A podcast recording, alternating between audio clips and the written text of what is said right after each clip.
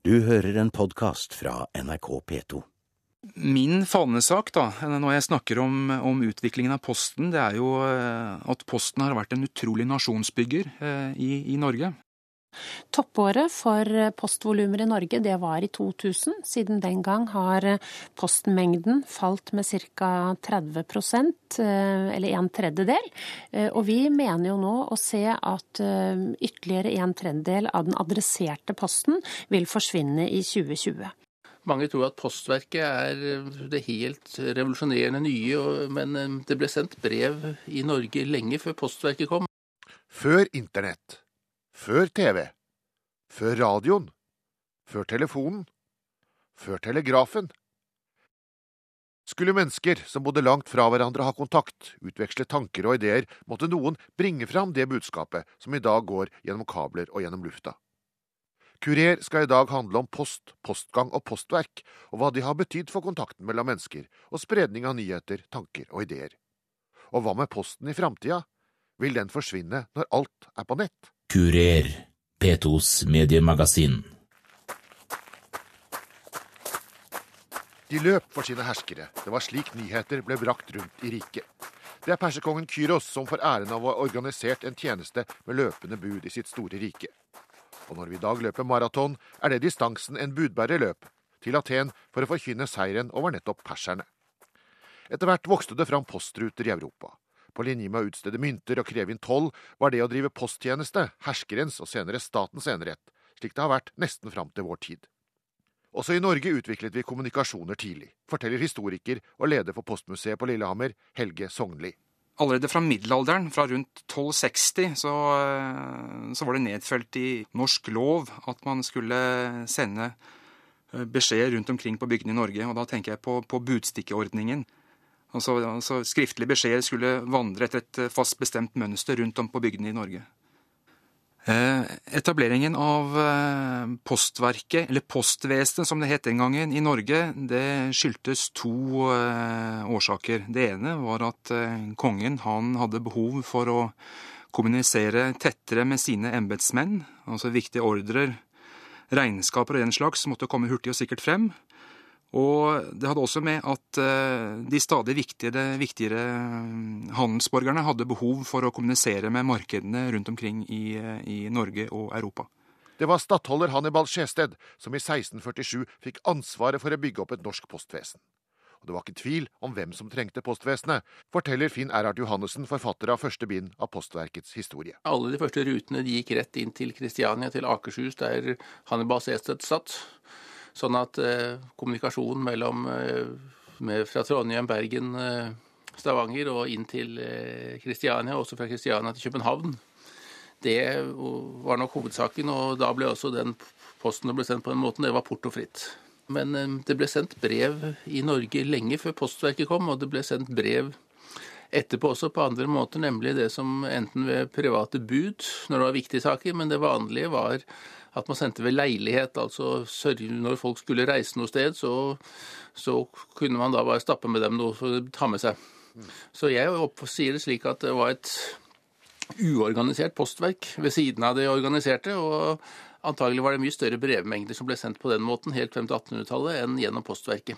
Norge var et land med vanskelige kommunikasjoner. Veiene var dårlige, om de i det hele tatt fantes. Det var bøndene som måtte gjøre jobben, forteller Helge Sognli. Posten i Norge den ble jo etablert i 1647. Eh, og da var det bøndene som bodde langs eh, hovedveiene, som var eh, postbud, eller postførere. Og dette var en plikt. Langs rutene så ble det på en avstand med rundt 17 km mellom hver postgård pekt pekte ut bønder da, som hadde ansvaret for å frakte denne postsekken i stafett, stafett fra gård til gård. Blader og aviser fikk eh, tidlig rabatt på portoen. Eh, hvorfor det? Under eneveldet, allerede på 1700-tallet, så var det jo slik at denne bladportoen og avisportoen egentlig kunne brukes som en form for sensur. Spesielt oppbyggelige aviser og, blader kunne få nedsatt porto, eh, mens andre eh, fikk da høy porto, som ikke var av det riktige slaget. Og eh, ved siden av, av, brevene så var jo avisene det som utgjorde det aller meste av, av postmengden. Og eh, avisportoen har jo hele tiden vært ganske lav. Og, og, og, det var det jo kulturelle årsaker til. Eh, myndighetene de ønsket jo at, at nyheter, ideer og samfunnsdebatt skulle komme ut til, til befolkningen. Og at det var en form for nasjonsbygging, rett og slett. Posten var også viktig for at utenlandske aviser og tidsskrifter skulle nå Norge forteller Johannes. Det er ganske mye utenlandske tidsskrifter som eh, sendes med posten til Norge. Det fins noen store oversikter. Jeg har sett det fra 1790-årene, tror jeg, og jeg husker ikke akkurat nå, men det var en ganske imponerende mengde av, av utenlandske tidsskrifter som da fant veien til Norge. Så de fulgte godt med i, hadde iallfall alle forutsetninger for å følge med i Norge, hva som rørte seg ute i Europa. Men likevel, postvesenet var noe embetsstanden og handelsmenn brukte, lite vanlige folk. Det var for dyrt. Porto til Bergen, så vidt jeg husker, var åtte skilling, og en gruvearbeider på den tiden tjener, tjener vel 24 skilling om dagen, så tre brev eh, til Bergen, det tok hele daglønna. Dersom portoen var en bagatell, så skrev jeg tre ganger så mange brev, og jeg hadde dobbelt så meget nytte av min korrespondanse. Den høye porto er en av de skammeligste av de bånd der hindrer et fritt folk fra å arbeide på sin kultur og utvikling i alle retninger. Dette skrev en innsender i Morgenbladet på 1840-tallet. Da hadde det allerede skjedd noe i England som skulle reformere posttjenesten og kontakten mellom mennesker verden over.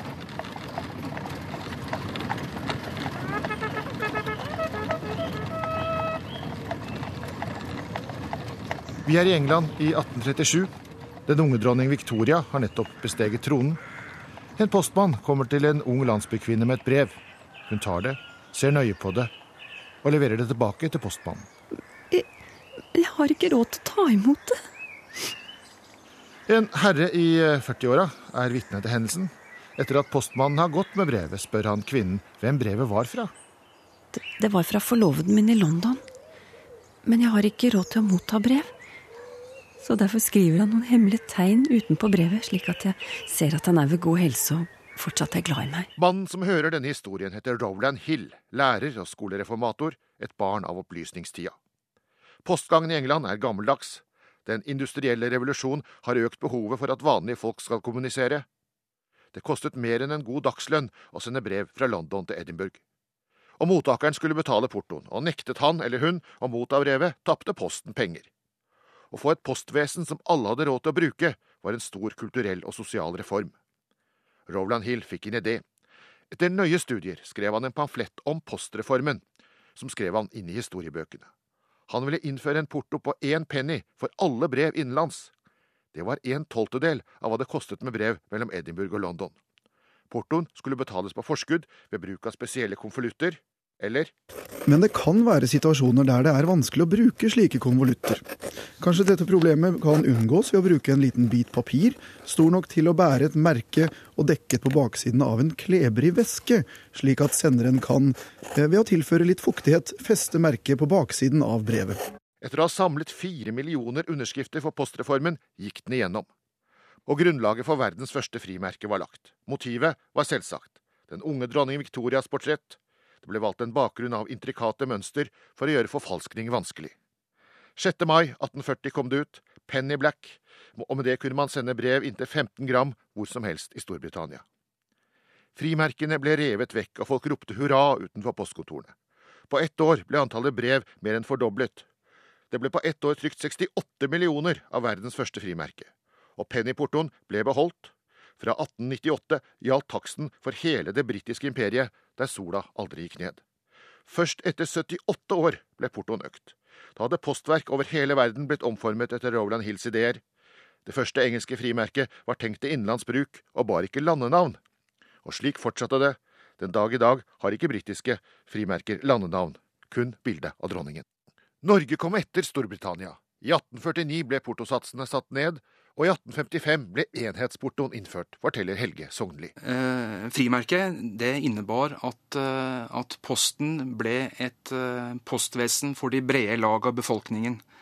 Eh, portoen eh, gikk ned, og nå ble eh, Posten tilgjengelig for folk flest. Brevportoen var fire skilling og ble snart satt ned til tre skilling. Selv om brevmengden økte kraftig, så tapte staten penger på posten de første årene, forteller Finn Erhard Johannessen. Så i 1860-70-årene så eh, går eh, statsbudsjettet, statsregnskapet i underskudd, og, det er jo, og, det er jo Postverket går eh, heller ikke i balanse. og Det er snakk om da å øke portoen fra tre til fire skilling, eller fra ti til tolv øre på, på, vanlig brev. Og det blir en voldsom debatt på Stortinget. og og det ender med da at for Problemet var med statsfinansene at man var, kanskje måtte innføre inntektsskatt, som ikke fantes i Norge på den tiden. Men det blir en svær debatt på Stortinget, og da er poenget da at særlig folk som kom til Sogn til venstre senere, de eh, er da stadig argumentasjon, sterk argumentasjon om at eh, det er så viktig at folk skriver, at det har en oppdragende funksjon. Og nå har vi fått skoleloven 1860 med faste skoler. Så at postvesenet ble sett som en forlengelse av skrivingen. Og det var da veldig viktig at folk, eh, folk ble oppfordret til å skrive. Så fikk man heller ta den inntektsskatten i Guds navn, som en av debattantene uttalte seg. For altså, dette med brevskriving var en kulturell verdi. Og dette med tidsskrifter må åpenbart ha vært det samme, at det var veldig viktig å få sendt sånne rundt på en rimelig måte, sånn at folk kunne få ideer og ta del i et ordskifte. Økte postmengder satte også fart i utbyggingen av Postverket. Det interessante her er hvordan det var dekket, og Postverket har utviklet seg veldig gradvis, og det har vært et tynnmasket nett. Og det var det også på begynnelsen av 1800-tallet. altså Hele landet var dekket, men det var hovedpostruter, så folk måtte da selv skaffe seg å komme inn på, det, på rutene for å levere, levere, posten. Og det som skjer i annen halvdel av 1800-tallet, som er den store Postverkets store tid, det er at rutenettet blir mye tettere, og det, det bygges opp etableres masse flere såkalte bipostruter. Og posten går flere ganger om dagen enn han hadde gjort før, så, så annen halvdel av 1800-tallet blir rutenettet mye tidligere. Men det var ikke noen sånne punkter i Norge som ikke hadde post før. Da var det må jo lenger tilbake i tid, men, men, det var en utrolig utvikling på annen halvdel av 1800-tallet. Postmengden øket fra 1 million brev i 1848 til 44 millioner brev i 1900. Så det var en gigantisk utvikling.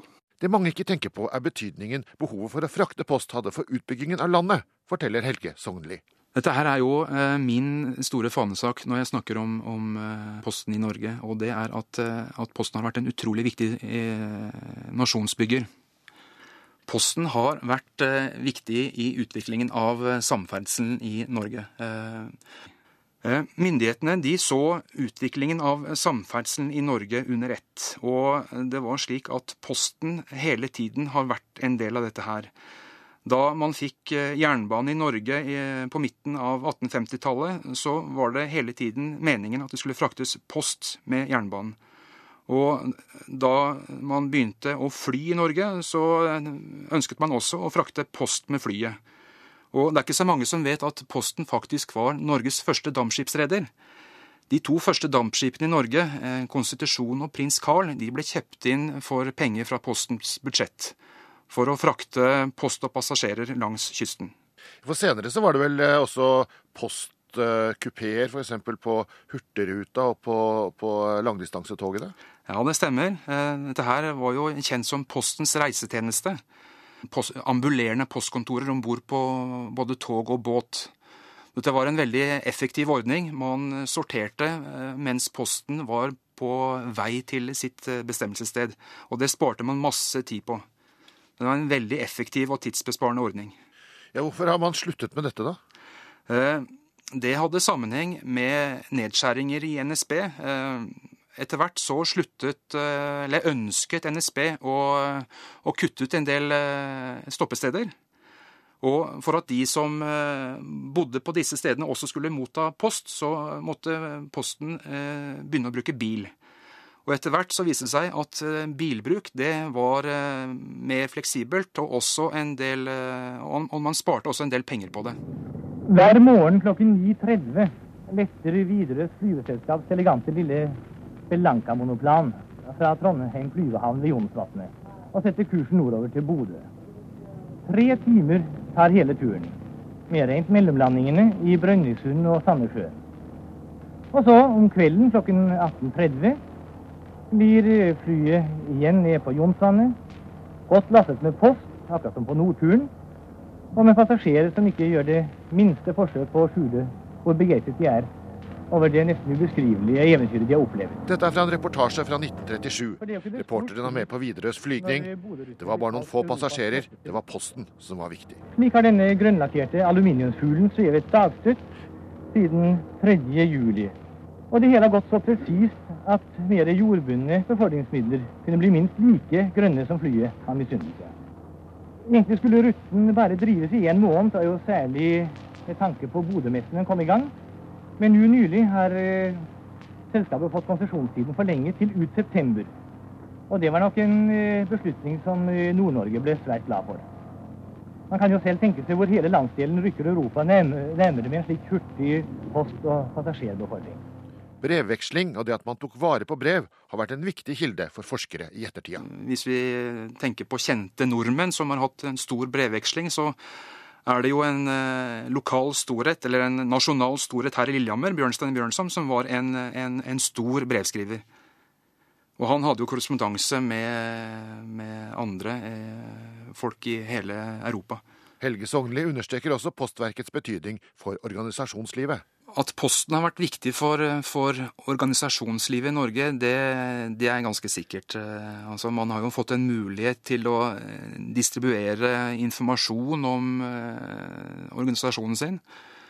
Har også fått en mulighet til å korrespondere, altså og ha en dialog med, med medlemmene sine. Så at Posten har vært viktig, det, det er ganske sikkert. I dag har Posten kraftig konkurranse fra nye medier.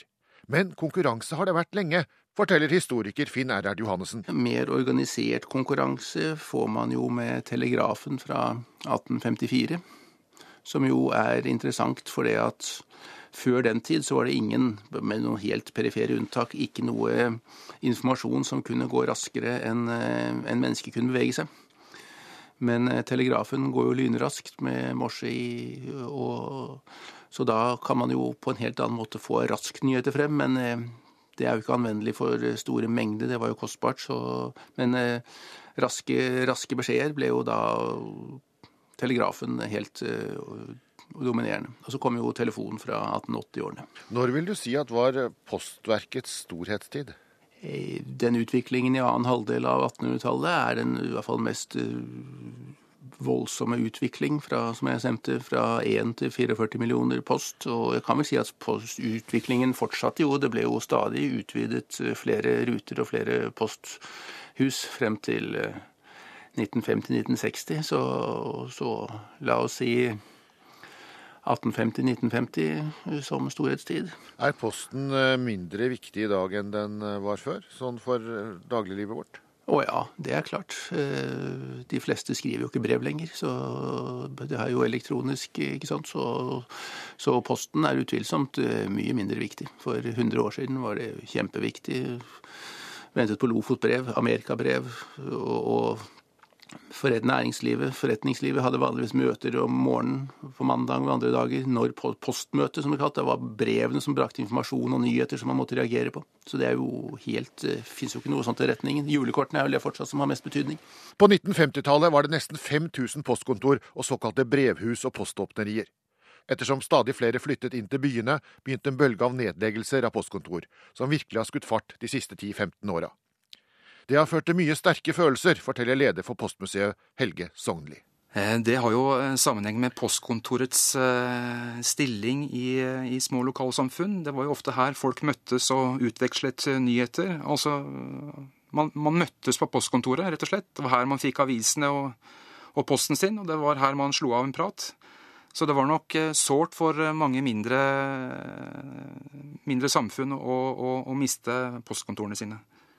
Ja, Før hadde Posten monopol. Nå er det vel bare igjen det at den har monopol på små brev. Vil Posten sånn som vi kjenner den i dag, forsvinne?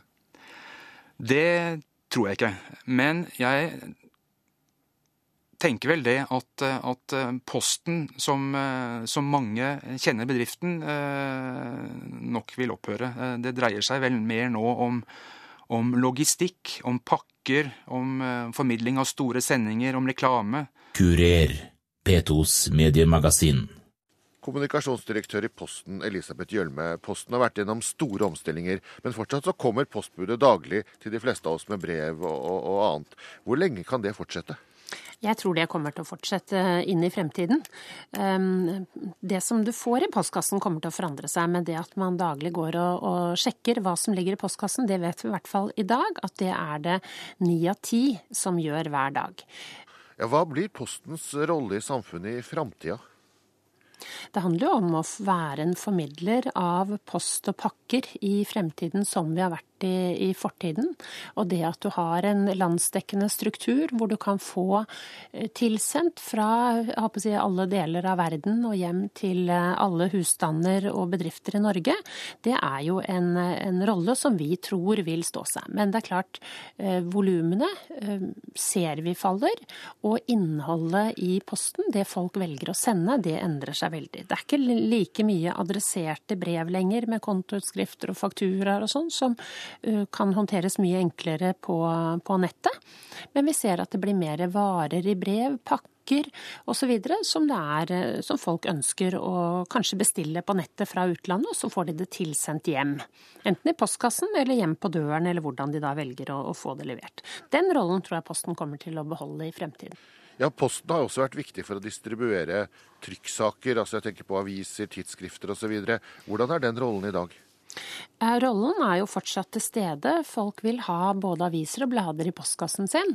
Eh, men trykte, de trykte avisene er jo utsatt for den samme endringen som Posten også merker, nettopp at mer og mer går digitalt. Men så ser vi jo da at bedrifter eh, ofte velger å utgi kundeaviser, kundemagasiner osv., og, så og det skal jo fortsatt sendes frem. Det er ikke alltid like, like attraktivt å lese på nettet, og så er det vel noe med at eh, folk liker å orientere seg i eh, tilbud, liker å orientere seg i forhold til hvordan markedet utvikler seg. og Da kan jo et, eh, et magasin eller et blad være en fin måte å gjøre det på.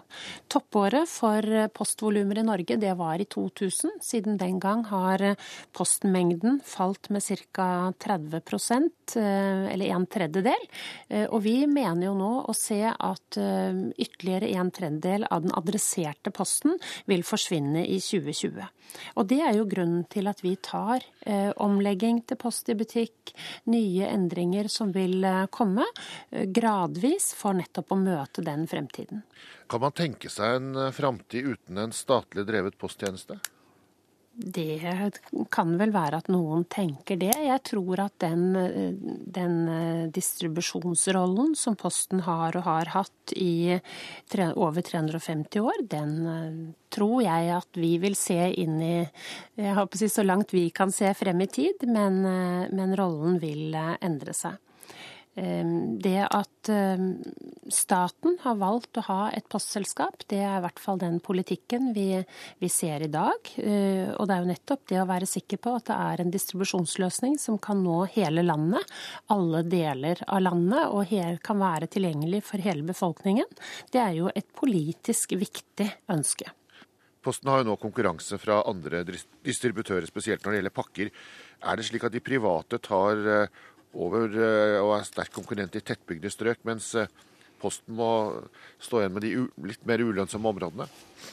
Ja, Det er i hvert fall ingen tvil om at det er sterk konkurranse i dette pakkemarkedet. Her er det mange aktører inne. Og det er nok sånn at det er, eh, den tøffeste konkurransen er i de sentrale mm, delene av landet, for der er det et tettere kundegrunnlag, det er flere pakker, og det er sånn sett lettere å få lønnsomhet i den delen av virksomheten. Når det gjelder eh, private brev, eh, sånne som man sendte til hverandre før i tida, er det snart bare julekortene igjen?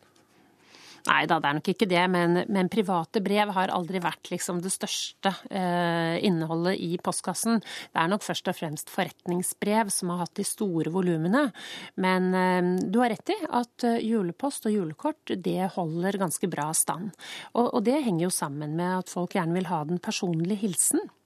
At det har stor betydning både ut fra en juletradisjon, men ikke minst av den oppmerksomheten man viser hverandre ved å ha skrevet et, et håndskrevet julekort eller julebrev.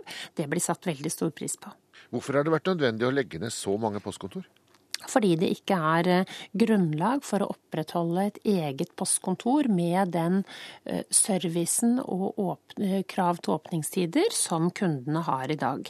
De fleste vil gjerne ha muligheten til å gå og hente pakkene sine og få utført post posttjenestene utover ettermiddagen og kvelden, og det vil vi ikke ha mulighet til å tilfredsstille med egne postkontor som bare driver med post.